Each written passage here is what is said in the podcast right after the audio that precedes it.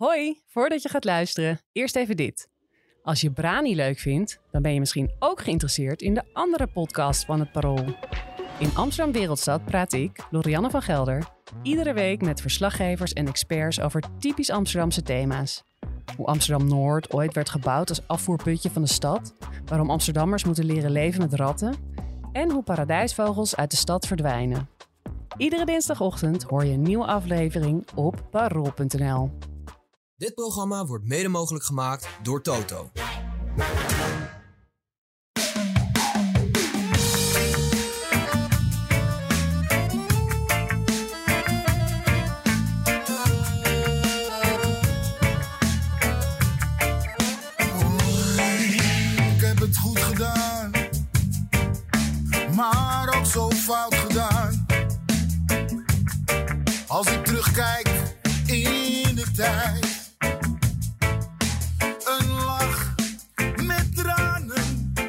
Menige Ajaxiet zal vandaag met ingehouden woede, frustratie en een gevoel van schaamte over de werkvloer bewegen. Ajax verliest weer, staat 16e in de eredivisie en beleeft nu officieel de slechtste seizoenstart sinds de start van de eredivisie. Eh, en eh, dus zelfs slechter dan de start van het seizoen 1964-65, toen Ajax uiteindelijk 13e werd in een eredivisie van 16. Dat seizoen geldt als de moeder aller rampseizoenen uit de eredivisiegeschiedenis van de club. Maar dit seizoen is nu slechter. Welkom bij Brani, de Ajax-podcast van het Parool. We gaan over de ellende praten hier aan tafel in de Johan Cruijffzaal bij het Parool. Mijn naam is Menno Pot en ik heb bij me eh, Bart Veenstra, hoofdredacteur van Ajax Showtime. Bart, Goedemorgen. goedemorgen. Gaat het goed? Het gaat, eh, ja, Ajax verliest, maar verder gaat het, eh, gaat het prima hoor. Dus eh, ja, That's the spirit, that's the spirit. En we hebben David Ent, club, club geweten. Mooie tekst zeg. Goedemorgen ja, David. goedemorgen ook, ja. Ja, je gaat me vragen hoe ik me voel. En ik voel me eigenlijk net zo leeg als, eh eh, als Ajax speelde gisteren. Oké, ja. Oké, nou laten we hopen Maar dat wel deze... vol, met, vol met hoop, hè? Want, Ja.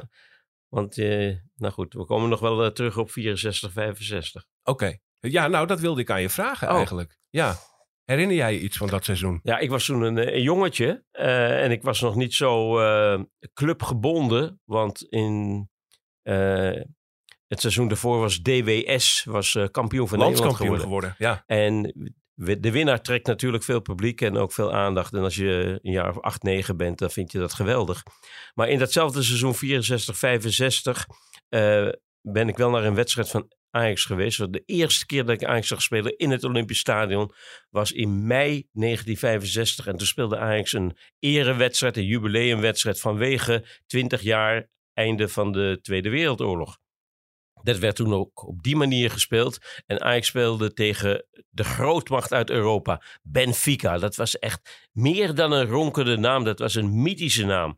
En daar kon je natuurlijk nooit van winnen. Maar het was wel mooi dat ze op bezoek kwamen in Amsterdam. En Ajax had zich eh, versterkt.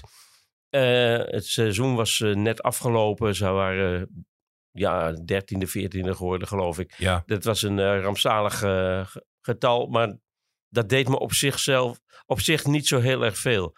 Maar Ajax had zich eh, mogen versterken. En dat deden ze met Eddie Pieter Schraafland, de keeper van Feyenoord. Met Henk Groot, de spits van Feyenoord. Met eh, Guus Haak, middenvelder van Feyenoord. En met Daan Schrijvers, de centrale verdediger van DWS. Dus dat was een heel bond gezelschap. Ajax speelde in prachtig smetteloos wit tegen Benfica. Met die mooie rode shirts. En, eh, en overtrof zichzelf eigenlijk. Het won met 2-1.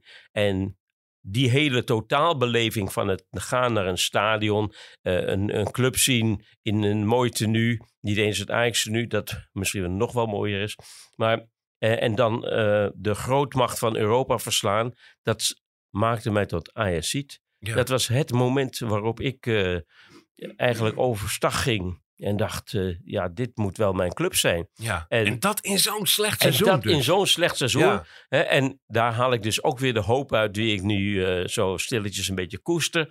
Ehm, weet je, uit juwelen groeit niks, maar uit stront groeien bloemen. En we zitten nu in de shit, dus we gaan nu de bloemen kweken. Het zal misschien even duren, maar die bloemen komen wel weer omhoog. Ja. Je hebt soms van die absolute dieptepunten nodig om weer tot besef te komen wie je bent, wat je bent en de aarde helemaal vruchtbaar te maken voor nieuwe bloemen. Precies. Nou, dat is, dat is de les die we gaan eh, meenemen vandaag. Eh, dat mythische seizoen 1964-65, dat voor Ajax uiteindelijk rampzalig verlies, eh, verliep en met degradatievoetbal verliep. eh, dat, was, eh, dat heeft zo'n mythische plaats in de clubhistorie, omdat het tevens het jaar was waarin een nieuwe voorzitter op het toneel verscheen, Jaap van Praag, een nieuwe trainer op het toneel verscheen, Rinus Michels, en een jonge debutant van 17 op het toneel verscheen, Johan Cruijff. En daar zou de club nog veel plezier van beleven. Nou ja, dat bedoelen we dan met die bloemen. We gaan gauw naar het heden. Een geschiedenisuitstapje is leuk, maar we moeten het toch ook echt over het heden hebben of we willen of niet. Ehm, om even met het meest actuele heden te beginnen. Na de rampzalige wedstrijd van gisteren tegen AZ zijn er aanstellingen geweest, of liever gezegd eigenlijk één. Eh, John van het Schip keert terug bij de club. eh, in een soort van nieuw te vormen technisch hart, lijkt het. En tegelijkertijd eh, horen we Rafael van der Vaart zeggen dat hij voorlopig nog even niet eh, in dienst van Ajax treedt vanwege eh, privéomstandigheden. Maar dat soort mensen worden dus benaderd. Bart, wat denk jij dan? Eh, aan de ene kant vind ik dat goed. Want ik, ik ben wel voorstander van, van oud-spelers met, met functies binnen de club. Alleen je moet er wel voor waken dat je ook kwaliteit binnenhaalt. En niet alleen maar mensen binnenhaalt omdat ze toevallig eh, voor Ajax hebben gespeeld. Ehm, ja, wat betreft Van Schip. eh, ja, die heeft natuurlijk al heel wat ervaring opgedaan als coach. Het Nederlands zelf uh, natuurlijk. eh, Ook bij Ajax zelf bij Ajax zelf, Jong Ajax, Ajax 1. Ja. Griekenland is hij bondscoach geweest. En de laatste tijd zien we vooral als analist op tv. En dan maakt hij op mij in ieder geval wel een goede indruk. En ehm, ja, wat betreft Van de Vaart. Eh, die, die privéomstandigheden zijn volgens mij vooral omdat zijn vriendin in Roemenië handbalt. Ja. Dat dat niet te combineren is. Ehm, vind ik ook een prima analist. En die zou dan als assistent eh, moeten fungeren op, op termijn. Eh, ja, dat, dat zou kunnen. Alleen, ja, ik, ken, ik ken ze niet goed genoeg, zeg maar, om echt een oordeel te vellen hoe, hoe- technisch sterk ze zijn. Om, van, van het Schip moet nu zich gaan bemoeien met de transfers. Ehm, Eigenlijk een, een functie gaan vervullen die hij nog Ja. nooit vervuld heeft, waar dan ook. Hè? ja, maar ik heb wel het idee dat hij wel echt een goede visie heeft op het voetbal. Het is niet, niet zomaar iemand die je binnenhaalt. Dus eh, ik heb er ergens wel vertrouwen in. Het is ook goed richting de transfermarkt in januari dat er eh, mensen bijkomen die eh, een goede visie hebben op Ajax. En die ook weten waar Ajax voor staat en wat er moet gaan gebeuren straks om het team nog te gaan versterken. Want dat is zeker nodig. David, zijn dit die eerste bloemen waar jij het over had? Of is het paniekvoetbal? Eh, je mag hopen dat het de eerste bloemen zijn en dat ze niet heel snel verwelken. Want dat, eh, daar heeft Ajax ook wel een handje van. Maar ehm, kijk, Van Schip is een, eh, is een naam die onlosmakelijk verbonden is aan Ajax. Hij heeft veel ervaring opgedaan. En de vraag is natuurlijk, wat moet hij gaan doen? Wat wordt zijn taak binnen Ajax? Dat is het meest interessante. Want als je zegt, hij moet de transferzaken gaan regelen. Dat is een vak apart. Dat is niet zomaar iets wat je in je vingers hebt, want daar heb je een geweldig netwerk voor nodig. Je hebt eh, onderhandelingskwaliteiten nodig. Je moet echt weten wat je doet. Ik denk wel dat hij goed kan analyseren wat Ajax ontbeert en wat Ajax nodig heeft. Ik denk ook dat hij zeer te goede trouw is. Dat het een eh, loyale eh, kerel is, dat heb ik eh, in de afgelopen jaren gezien.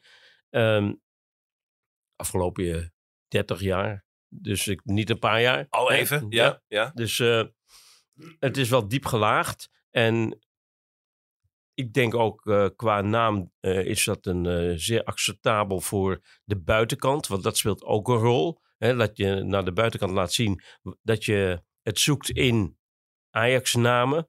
Die zijn niet allemaal beschikbaar. Die willen niet allemaal.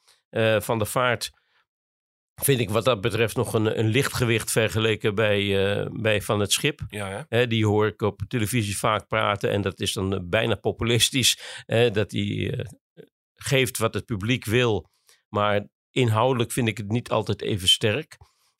Maar hij is natuurlijk wel op technisch gebied. Als hij een trainer wordt, bijvoorbeeld bij de jeugd, denk ik dat het een geweldige trainer kan zijn. Wat iets heel anders is dan wanneer je een officiële functie binnen de leiding van Ajax gaat nemen. ja. Daar komt wel iets meer bij kijken. Nou, we hebben het, Louis van Gaal, nog een naam. eh, als adviseur bij de club.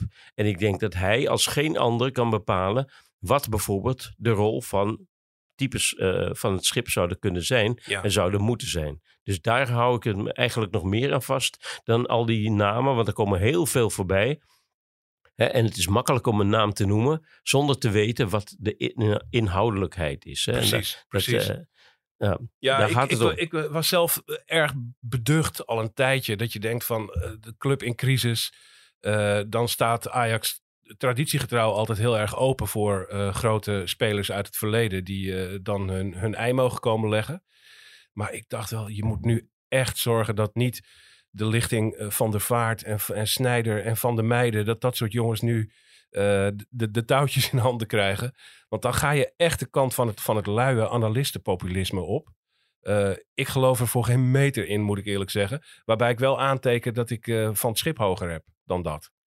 Ehm, maar het, is wel, het lijkt wel er een beetje op alsof er nu naampjes binnengehaald worden. En dat er daarna eens een keer nagedacht moet gaan worden wat ze dan eigenlijk moeten gaan doen. Dat, die schijn Ja, heeft het ook een En beetje. dat, dat moet je dus dan eigenlijk de alle tijden voorkomen. En Ja. ik hoop dat met eh, zeg maar de advies, adviseursrollen van, eh, van Van Gaal, maar ook eh, van Praag, die een rol gaat spelen, dat daar de wijsheid, zeg maar, het opportunisme overwint. Ja, dat mag je hopen. Dat mag je hopen. Ze zaten gebroedelijk naast elkaar.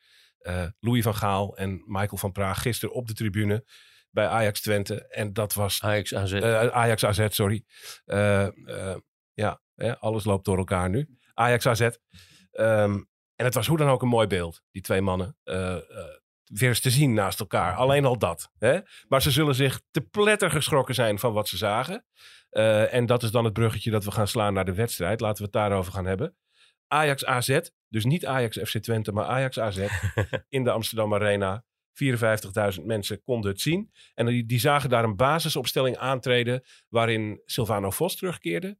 eh, waarin Mauricio van Axel Dongen een plek op de linkerflank kreeg. Steven, eh, Steven Bergwijn eigenlijk als een soort tien fungeerde. Eh Josip Soetalo en Steven Berghuis ontbraken. Zo, gezegd niet wedstrijdfit. En Jakov Medic daarom in het hart van de verdediging stond. Wat dacht jij toen je die opstelling zag, Bart? Nou, in eerste instantie denk je, hè, waar, waar zijn eh, Berghuis en waar is Sutalo? Ehm, ja, dan hoor je dat die niet wedstrijdfit zijn. Dan legt Stijn uit dat ze geblesseerd zijn. Ehm, ja, en verder denk je, ja, het, het is misschien het best mogelijk op dit moment. Eh, meer, meer zit er niet in.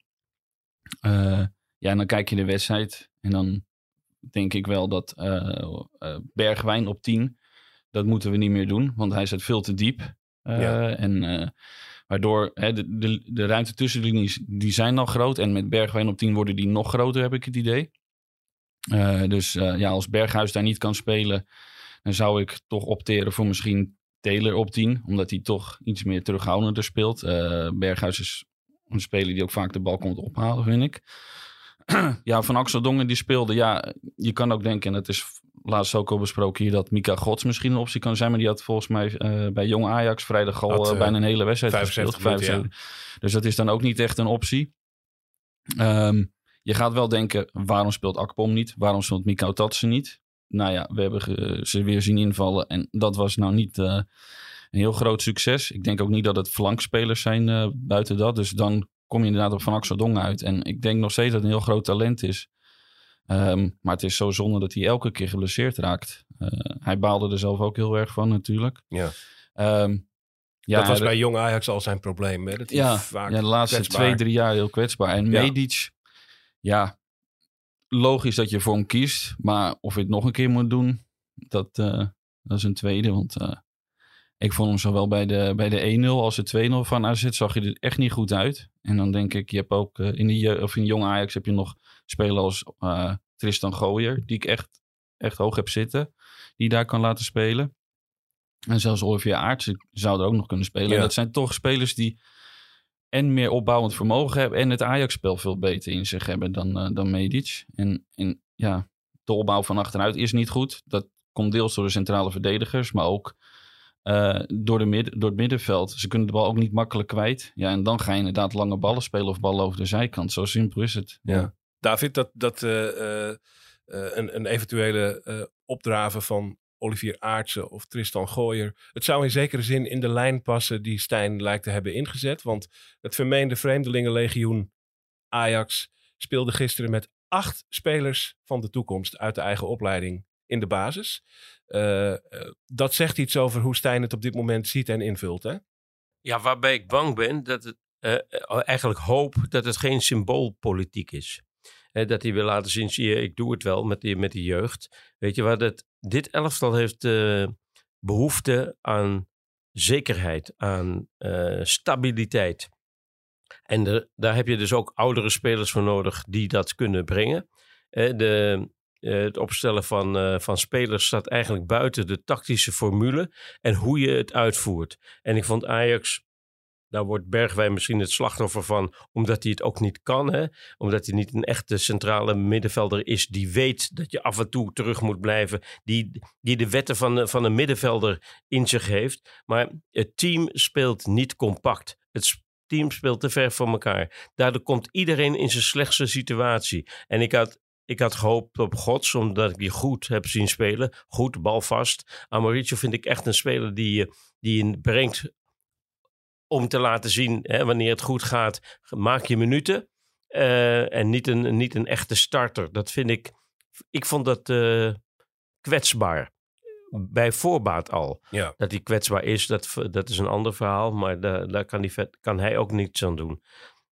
En dus eigenlijk wil ik het een beetje loskoppelen van de namen, maar van de, de speelwijze die je hanteert. en wanneer je speelt tegen AZ, waarvan je weet dat ze uh, qua spelopvatting een bepaald patroon volgen. Dat ze sterk zijn in het middenveld. Dat ze balvast zijn. Dat ze kunnen combineren. Mag je ze niet zoveel ruimte geven? En dat, dat gebeurde wel. En aan het enthousiasme en de inzet van Ajax lag het echt niet. Iedereen rende zich het vuur uit de sloffen. Deed vreselijk zijn best. Maar het gaat er natuurlijk wel om dat je dat doet met behoud van je verstand. en dat verstand dat ligt vaak in een, in een tactische formule. En dat hoeft helemaal niet een eh, 5-3-2 formatie te zijn of wat dan ook. Maar wel dat de linies goed op elkaar zijn afgestemd. En daar was echt geen sprake van. Dat maakte Ajax kwetsbaar. En het was gewoon wachten op een uh, doelpunt van AZ. Ja, En dat vond ik pijnlijk om te zien. En dat is al weken zo. Dat die, die linies zo vreselijk uit, ver uit elkaar staan. En dat wordt ook in de loop van de wedstrijd altijd erger. Uh, in de tweede helft uh, is dat, krijgt dat een soort van chaotisch uh, totaalbeslag. Ja, zeker wanneer je achterkomt, hè, want dan, dan komt er nog een beetje paniek bij kijken. Ik denk het beste voor Ajax zijn, en dat is, zou zijn, en dat is utopisch natuurlijk, maar wanneer ze twee weken gezamenlijk een rustperiode hebben waarin alleen getraind kan worden op bepaalde patronen, hè, op een bepaald systeem. En dan kan je aan gaan. Maar we moeten wachten tot de winterstop voordat zich zo'n moment aandoet. Want op dit ogenblik is dat niet het geval. En dan kan je dingen inslijpen. En daar heeft, en dat is ter verdediging van Stijn ook een beetje. Uh, daar heeft hij nog niet de gelegenheid toe gehad om het team echt te vormen. Te kleien uh, tot, tot, een, tot die eenheid die weet wat de een en wat de ander moet doen in, uh, in een wedstrijd. Ja, David werpt een, een verdedigingsopmerking op over Stijn.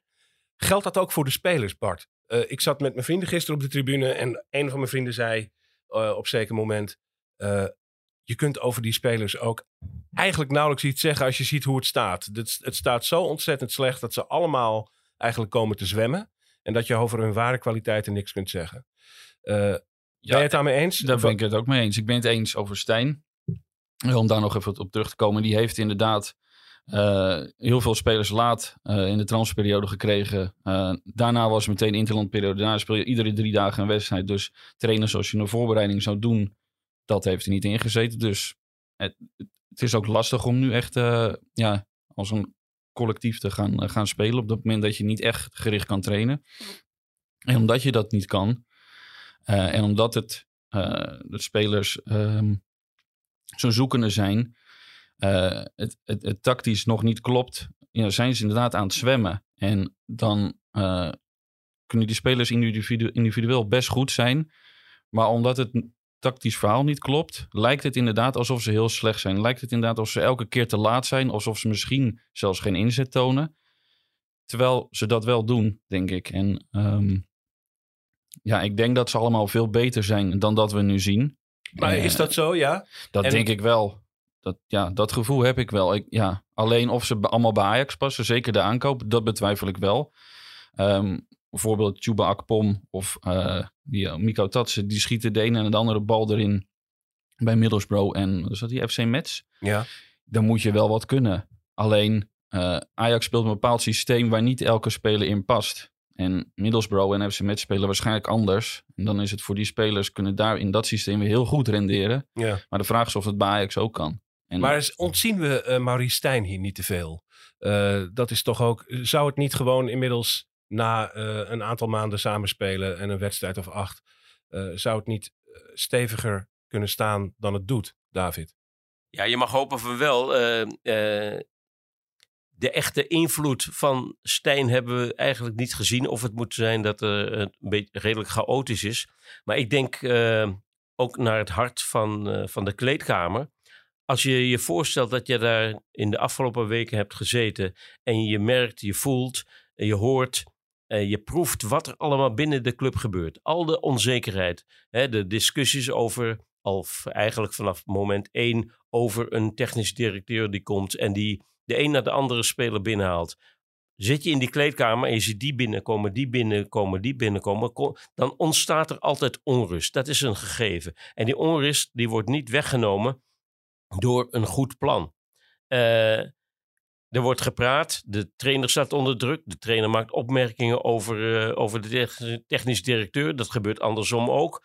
Oftewel, je zit in een, in een habitat, in een, een leefomgeving die uitermate ongezond is. Hoe haal je daar het beste uit jezelf naar voren als je nieuw bent, als je net komt kijken, als je vol ambitie zit om jezelf te bewijzen? Hè, en dat geldt ook een beetje voor de jongere spelers, hè, voor de mannen Vos en, en Hato om er, om er twee te noemen, maar ook voor jonge spelers als Gods. Hoe hou je je staande in zo'n situatie? Ja. Dan, dat is uitermate moeilijk. En daarvoor, en ik denk, ik heb alle respect voor Stijno, want ik heb hem in de afgelopen jaren gevolgd. Ik ken hem een beetje. Hij heeft best wel kwaliteiten, maar je hebt ook een autoriteit nodig aan, aan, de, aan de top. En de top is de trainer. Dat is de belangrijkste man in het hele midden van, van de club op het, dat ogenblik. Daar is de trainer, die is koning. En wat de trainer behaagt, wordt wettelijke verordening. Dus als je zo'n man hebt, hè, die, die werkelijk die lijnen goed kan eh, zetten en kan omgaan met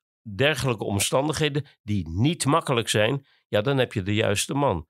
Maar voor Stijn is dit ook allemaal nieuw. En die denkt ook aan zichzelf, heeft ook opportunisme in zichzelf om zijn eigen hachje te redden. Ja. Hè, in, in, een, ja, in een grote chaos. Het is net een soort grote draaikolk die naar beneden, eh, iedereen mee naar beneden trekt. En daarom denk ik dat het misschien goed is dat eh, een man als eh, Van Gaal hè, met, zijn, met zijn nodige autoriteit, hè, dat die daar wat orde in kan scheppen. En of dat inhoud. ook, ja, en of dat doordringt naar de kleedkamer, ja, dat mag ik hopen.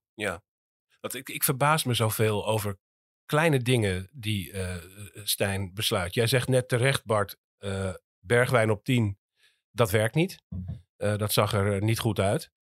Dan valt Amoricio van Axel Dongen uit. Komt Miko Tatsen erin. Maar blijft hij een tijd er nog in volharden om Bergwijn op die 10 te laten lopen en Miko Tatsen op links. Terwijl Miko Tatsen geen linksbuiten is. Dat is een spits. En Bergwijn kan wel op linksbuiten, maar die mocht daar dus niet naartoe. Die, die had ze beter kunnen omdraaien. ja, Dat, die eh, ruil dat, werd eh, niet gemaakt. En dan ja. denk ik, wat gebeurt hier? Ja, dat, dat is, dat is eh, zeker achteraf, maar misschien ook wel tijdens de wedstrijd door voor toekijkers makkelijk vast te stellen. Maar een trainer die werkt vanuit een zekere overtuiging. Die, die, die moet ook die overtuiging hebben, want als hij gaat twijfelen aan zijn eigen ideeën, ja, dan ondermijnt hij zichzelf helemaal. Hè, het sier, zou een trainer sieren wanneer je dat snel doorheeft en het eh, omzet. Maar je gelooft in een opstelling, je gelooft in Bergwijn op 10. Hè, en als je dat meteen na 20 minuten loslaat, is dat ook een signaal van, eh, van zwakte bijna. Ja, Dus daar vecht zo'n zo'n man misschien ook mee. Moeten we het wel of niet doen? Eh, of houden we het vast maar dan wordt het ook een beetje koppigheid. Zo van, ik, ik mag nu niet van mijn plan afwijken na 20 minuten, want dan zie ik er zwak uit. Dan wordt het Ja, een en beetje... ik vind ook dat je met de, de spelers die je op het veld hebt staan, moet je gewoon de best mogelijke opstelling maken. Ja, en dat, Ja. is, dat is realiteit. eh, Ja. dat Ja. dat het zou moeten. ja. Maar eh, het is niet helemaal onbegrijpelijk dat een trainer niet helemaal meteen zijn strijdplan laat varen als een Nee. soort. eh, eh, een soort bewijs van falen. Want dat, dat is het dan ook op dat moment. En je gelooft in Bergwijn, je hebt het met hem over gehad, kan je dat aan, weet je wat je moet doen. En in praktijk blijkt dat niet helemaal te kunnen. Maar het is niet voor het eerst dat het middenveld van Ajax ook zonder Bergwijn Ja, als nummer klopt. 10 op die manier speelt. Dus het is ook wel, Ja, wel lichtzinnig bijna van ons om dat alleen maar op deze wedstrijd tot een waarheid te maken. Dat Ja, dat, dat klopt ook, want elke wedstrijd die Ajax nu speelt... en ze spelen ja, heel vaak met een ander middenveld... en elke wedstrijd worden ze uiteindelijk echt flink overlopen. Dus Ja, waarbij opvalt dat Ajax meestal nog met goede wil begint. Een Ja. minuutje of twintig. En dat het er dan ook wel goed uitziet. En dat je denkt, nou, als ze dit doortrekken, dan kan dat een leuke middag worden. Daarna komt meestal bij een tegendoelpunt de twijfel, sluipt erin. Dan begint het eh, te ontrafelen. En in de tweede helft vervalt het compleet tot chaos. Dat is tot nu toe een beetje het Maar patroon van Ajax. beetje, waarbij dan ja. ook opvalt dat Ajax heel slecht reageert op omzettingen bij de tegenstander. Daar hebben ze doorgaans het antwoord niet op. Eh, en dat is toch een zorgwekkend patroon waar geen verbetering in lijkt te zitten ook toch. Ja, en dat, dat vind ik dan wel ook eh, voor een groot deel aan de trainer Nou. liggen. Die moet daar een antwoord op hebben. Als het, als de tegenstander iets aanpast, dan moet jij daar eh, als trainer, als technische staf... want het assistenten moet ook meedenken, daar moet je een antwoord op hebben. Volwassenheid Ja. bij je spelers in het veld, die, dat ze dat zelf kunnen, dat is allemaal heel fijn als je dat hebt. Heeft Ajax niet momenteel. Nee. En dan moet er toch iets van de, van, van de zijlijn komen. Eh, we horen nu ook spelers van AZ zeggen na afloop, Jordi Klaas hier voorop, dat AZ eigenlijk verbluft was over de hoeveelheid ruimte die ze hadden op het middenveld. Zeeën van ruimte, waar ze zich eigenlijk amper raad mee wisten. Zoveel ruimte was het. Eh, en dat het ze ook opviel dat Ajax zo ontzettend vaak die lange ballen speelde. En eh, dat die nog vaak misgingen ook over de zijlijn, dat soort zaken. Eh, dat zijn pijnlijke dingen om te horen, David. Ja, dat is zeker pijnlijk. Al moet ik zeggen dat ik individueel heb ik van, van Jordi Klaassen uitermate genoten. Eh, voor zover er ruimte tot genieten in mijn, eh, in mijn ziel zat. Eh, dat geldt ook voor Mijnans bijvoorbeeld. Er waren meer spelers van Ajax die goed in een, in een spel zaten. Dat komt ook door Ajax, maar het komt ook door hun spel. Maar ik kom weer terug op, op het basisidee wat ik schetste. Dat het ook gaat om compact spelen, dicht bij elkaar zijn. Dat die afstanden niet te groot worden. En of dat nou gebeurt tegen, tegen AEK eh, in Griekenland of tegen AZ, dat maakt niet zoveel uit. Maar dat, dat moet Ajax erin brengen. Want dan ben je gewoon per definitie, ook mindere ploegen die zo spelen, zijn per definitie minder kwetsbaar. En Ajax maakt zich kwetsbaar door zo ver uit elkaar te spelen, niet dicht genoeg op een, op een tegenstander te staan. En dat komt er waarschijnlijk weer door anderen die verkeerd opgesteld staan. Dus daar moet een grote inhaalslag worden gemaakt. En dan kan met het aanwezige materiaal kan er best nog een resultaat worden gehaald. En ik hoor heel Dat veel... denk jij dus wel, dat, het, dat deze spelers goed genoeg zijn? Ik denk eh, over het algemeen, algemeen zijn de spelers goed genoeg. Er, zullen een, er zal een aantal, laat ik goed Nederlands blijven spreken. Er zal een, goed een aantal ehm, zal, misschien, eh, zal misschien afvallen. Maar ik denk wel dat eh, deze ploeg ja, waardig is om tot, van 1 tot 4 te kunnen spelen. En ik zal je zelfs vertellen, ik denk als we tot aan de winterstop punten blijven verliezen en achterop raken en we moeten geen 16e blijven, maar dat, ook dat is licht vertekend natuurlijk. Hè? Ja. Want we hebben nog eh, wedstrijden in te halen waar je punten kan halen, waar je eigenlijk al drie punten ergens in een tas hebt. Dus het, is, eh, het, het helpt om het drama een beetje te gro- vergroten dat we 16e staan. Maar het is eh, schandalig natuurlijk dat je er bent. Maar ik denk zelfs vanaf de start van de winterstop kan je een geweldige inhaalrace maken. Als je dat ei van Columbus hebt gevonden. Hè? Als je het, het probleem weet op te lossen. Dan denk ik dat Ajax voldoende kwaliteit heeft ook om na de winterstop toch een aanval te doen op de topplaatsen. Nou, Is dat positief? dat is nogal een Ja. bewering. Ja, ja, Ja. die bloemen komen heel snel op eh, in jouw... eh, Die kunnen heel, ja, ja. precies. ja, Bart, ga je daarin mee? Of zeg je, David, je kletst? Ik, ik hoop dat David gelijk heeft. Maar ik, ja, nou ja, het, het, kan natuurlijk eh, alleen maar beter op dit moment. En zeker in de winterstop als je een trainingskamp hebt, dan, eh, dan kan het alleen maar beter eh, ook op die manier. Ehm, maar op dit moment zie ik nog heel weinig aanknopingspunten. Eh, als je ook gisteren de wedstrijd zag. eh, het, ik vond het heel voorzichtig eigenlijk, zeker in het begin ook. Ja, bang. eh, bang, bang om fouten te maken. En ik denk dat dat ook een reden was dat ze ook eh, niet tot kansen kwamen. Als je ook, eh, ik heb even opgezocht, de expected goals gisteren was 0,23. Ja. En tegen Athene was dat nog 2 punt zoveel. Dus, eh, Tegen en- Athene waren er inderdaad natuurlijk ook echt En- uitgespeelde kansen. Tegen Ja. AZ eigenlijk helemaal niet. Nee, en Nee. ik denk ook, ja, je moet ook wel een beetje risico durven nemen. want anders ja, kom je helemaal nergens, denk ik. En, maar ik snap ook wel weer dat ze heel bang zijn om fouten te maken. Want Athene had ook wel echt ontzettend veel kansen. Zeker omdat Avila zo vaak de bal eh, bij het, het tegenstander inlevert. Dus ehm, ja, ik denk dat ze heel erg zoekende zijn op dit moment. Eh, twijfelen tussen moeten we kiezen voor zekerheid of moeten we toch gaan aanvallen. Ja, en ik denk dat als je op een gegeven moment toch een keer een paar wedstrijden gaat winnen. eh, wat lastig is gezien het komende programma nog in oktober met onder meer Brighton en PSV. Maar daarna heb je volgens mij wel papier makkelijkere wedstrijd tegen Volendam en Heerenveen. Als je dan toch een paar keer gaat winnen, dan kan er ook weer iets ontstaan in zo'n groep. ehm, waardoor het vertrouwen stijgt. En dan ga je op een gegeven moment eh, hopelijk wel die stijgende lijn inzetten. Ja. De olifant in de kamer is misschien... Er is natuurlijk, als je naar de sociale media kijkt en onder de supporters... ongelooflijk veel mensen vinden dat Stijn ogenblikkelijk ontslagen moet worden. Dat is eh, vaker in dit soort tijden zo. Wij willen als Brani niet zo erg mee in dat, eh, dat, dat campagne voeren. Dat, daar heb je niks aan. Dat is allemaal niet zo heel erg boeiend. Maar als ik jou zo hoor, David, geloof jij ook echt niet dat dat de oplossing is? Ik geloof, eh, ik geloof niet dat het de oplossing is. Eh, ik denk dat, dat er eh, cement tussen die stenen moet komen. En dat cement dat ligt eh, ook op voetbal eh, technisch-tactisch gebied. Daar is een trainer wel verantwoordelijk voor. Hè. Hij heeft nog niet, naar mijn smaak, echt de eerlijke kans gehad om onder ideale omstandigheden het een en ander te doen. Ook dat hoort bij Ajax. Ook dat hoort bij het feit dat een trainer, wanneer hij bij Ajax komt, voelt dat hij de koning te rijk is en de volgende dag weet dat hij in de hel is beland. Dat zijn speciale kwaliteiten die je als trainer van Ajax ook moet hebben. Heeft hij nog niet kunnen bewijzen, eh, vind ik zelf, op een eerlijke manier. Dus ik eh, geef hem graag het, voor, het voordeel van de twijfel. Ik kon mezelf zeggen graag. Ik heb graag dat Ajax snel weer gaat winnen. Ja. Maar ik denk dus wel dat ook met, eh, met het voortzetten van een, zeg maar, een matige reeks tot aan de winterstop. Na de winterstop, als Ajax zes wedstrijden op rij wint, hè, dan kan je opeens een geweldige slag maken. En dan kan er een vertrouwen komen in een team.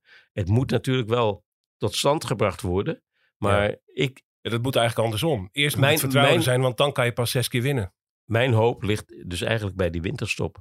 Ik denk dat het nu heel moeilijk wordt om orde te scheppen in de chaos die er bestaat. En tot die tijd helpt een trainerswissel ook niet veel. Dat is, eh, eh, hè? nou ja, goed. En de vraag is ook, wie, wie zou het dan moeten gaan doen? Wat, wat ga, je, ga je Maduro doorschuiven of ga je Vos eh, van Jong Ajax doorschuiven?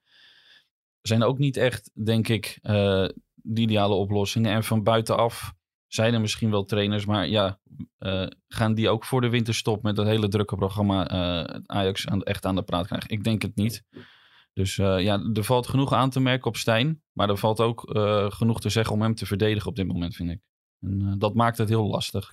Nou, dat laten we even in het midden hangen. Na de wedstrijd, opvallend, zijn er natuurlijk de interviewtjes na weer een frustrerende, pijnlijke nederlaag. En dan komt voor de camera aanvoerder Steven Bergwijn aan het woord. En die zegt dan dit. Wat, wat moet er nu gebeuren met Ajax? Ah, wat moet er met Ajax gebeuren? Ja, ik denk dat je die vraag niet aan mij moet stellen. Maar heb je er een mening over? Ik heb er zeker een mening over, maar die hou ik voor. Ik, eh, dan moet je voor, bij andere mensen zijn. David, als jij dat citaat hoort, wat denk je dan? Ja, dan eh, er verschijnt er een grote glimlach rond mijn mond.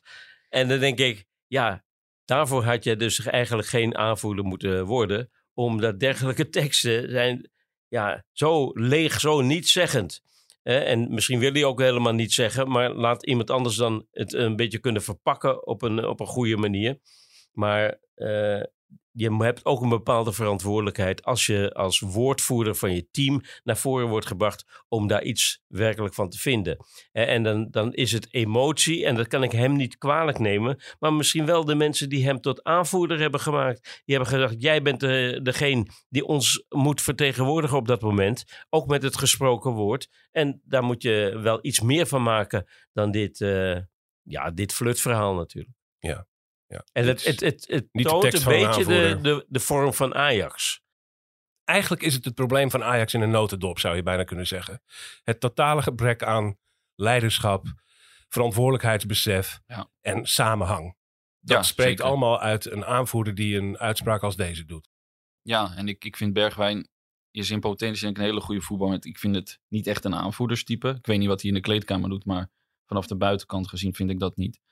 En als je ook kijkt wie Ajax vorig jaar in selectie had, qua leidertypes. Hè, Blind, Tadic, Klaassen, Alvarez, Timber ook. Het zijn allemaal leidertypes, zijn allemaal weggegaan. En er zijn geen eh, adequate vervangers voor gehaald die ook die kwaliteiten bezitten. Het zijn allemaal spelers die gehaald die misschien individueel goede voetballers zijn, maar niet die kwaliteit hebben van een, het leider zijn. En eh, ik denk dat dat ook wel mis is gegaan. Er, is, er kan niks erger zijn dan pseudo. Pseudo-leider. Dat, dat, Ja, dat toont je bent een totale niet. zwakte. En neem dan een andere jongen die het wel in zich heeft om dat te ontwikkelen.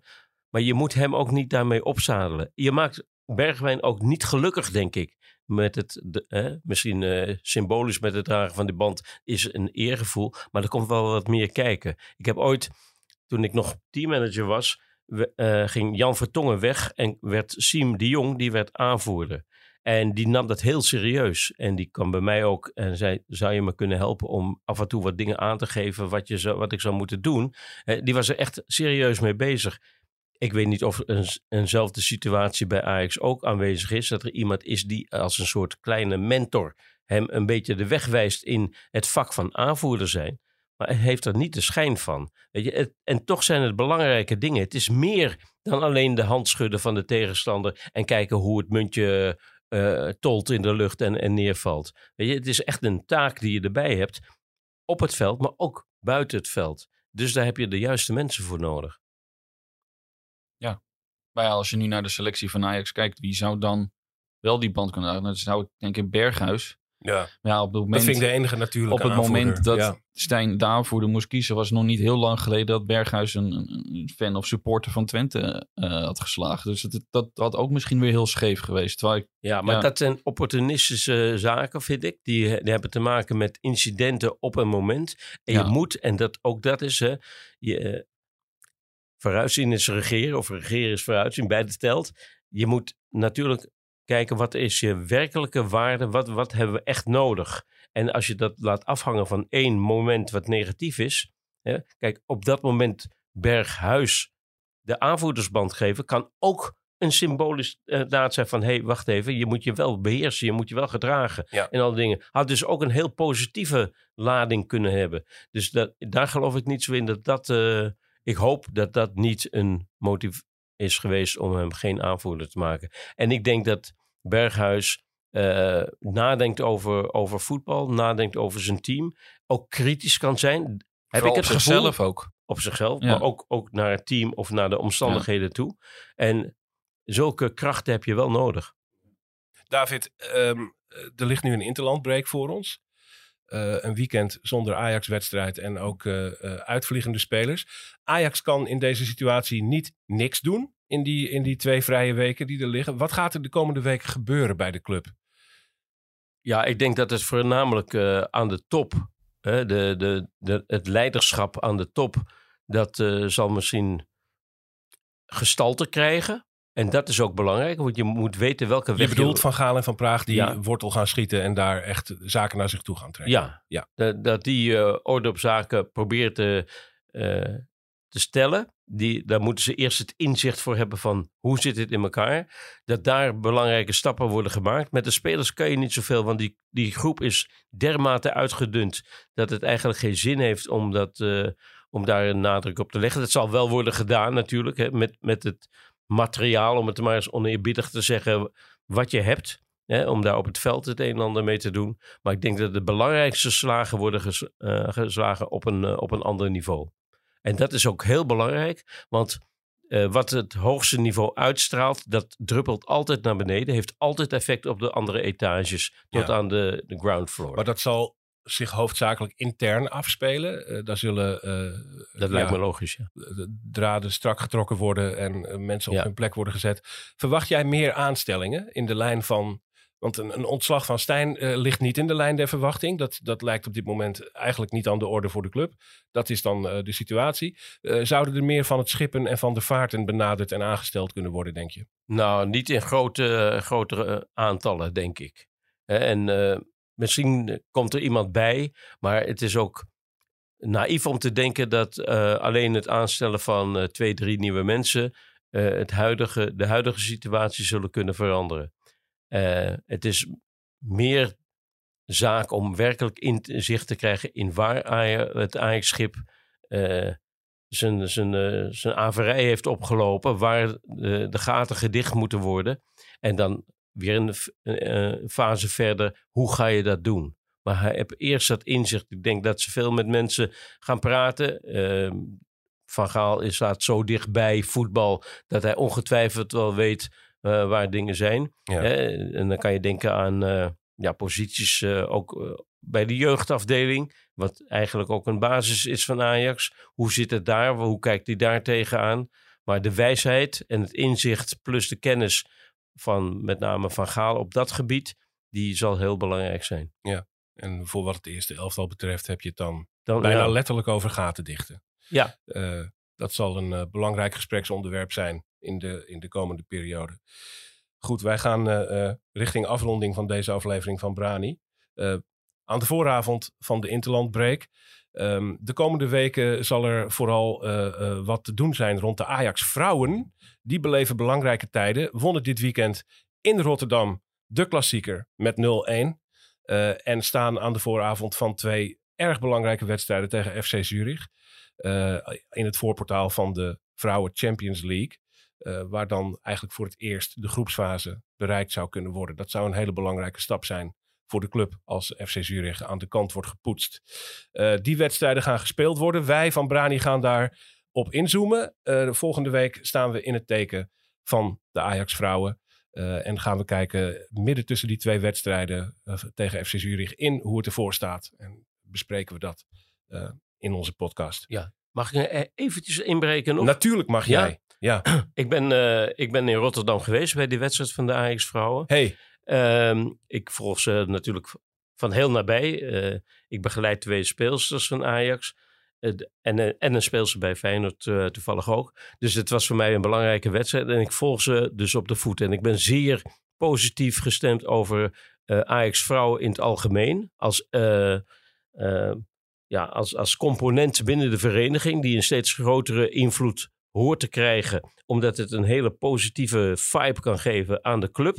Eh, ze spelen niet al te best, moet ik ook zeggen. Ze, er zit nog niet geweldig spel in, maar er zit wel een bepaald vuur in. En, eh, en dat, dat vuur wordt bijvoorbeeld gesymboliseerd door S- Sherida Spitsen, die altijd de grootste winstdrang drang mogelijk in zich heeft en ook uit.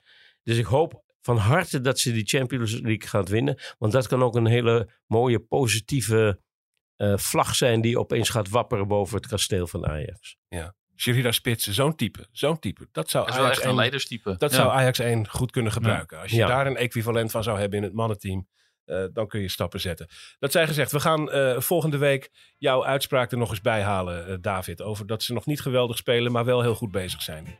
Dat gaan we doen. Dank jullie wel voor, voor het komen. Bart. Veenstra, dank je wel dat je er was. We zien je heel snel weer. David, we zien jou hopelijk ook heel snel weer. Ik wijs er nog op dat de productie en de techniek van deze podcast in de capabele handen zijn van Josien Wolthuizen en Vienna School. Mijn naam is Menno Pot en tot de volgende Brani. Hup Ajax. Hup Ajax.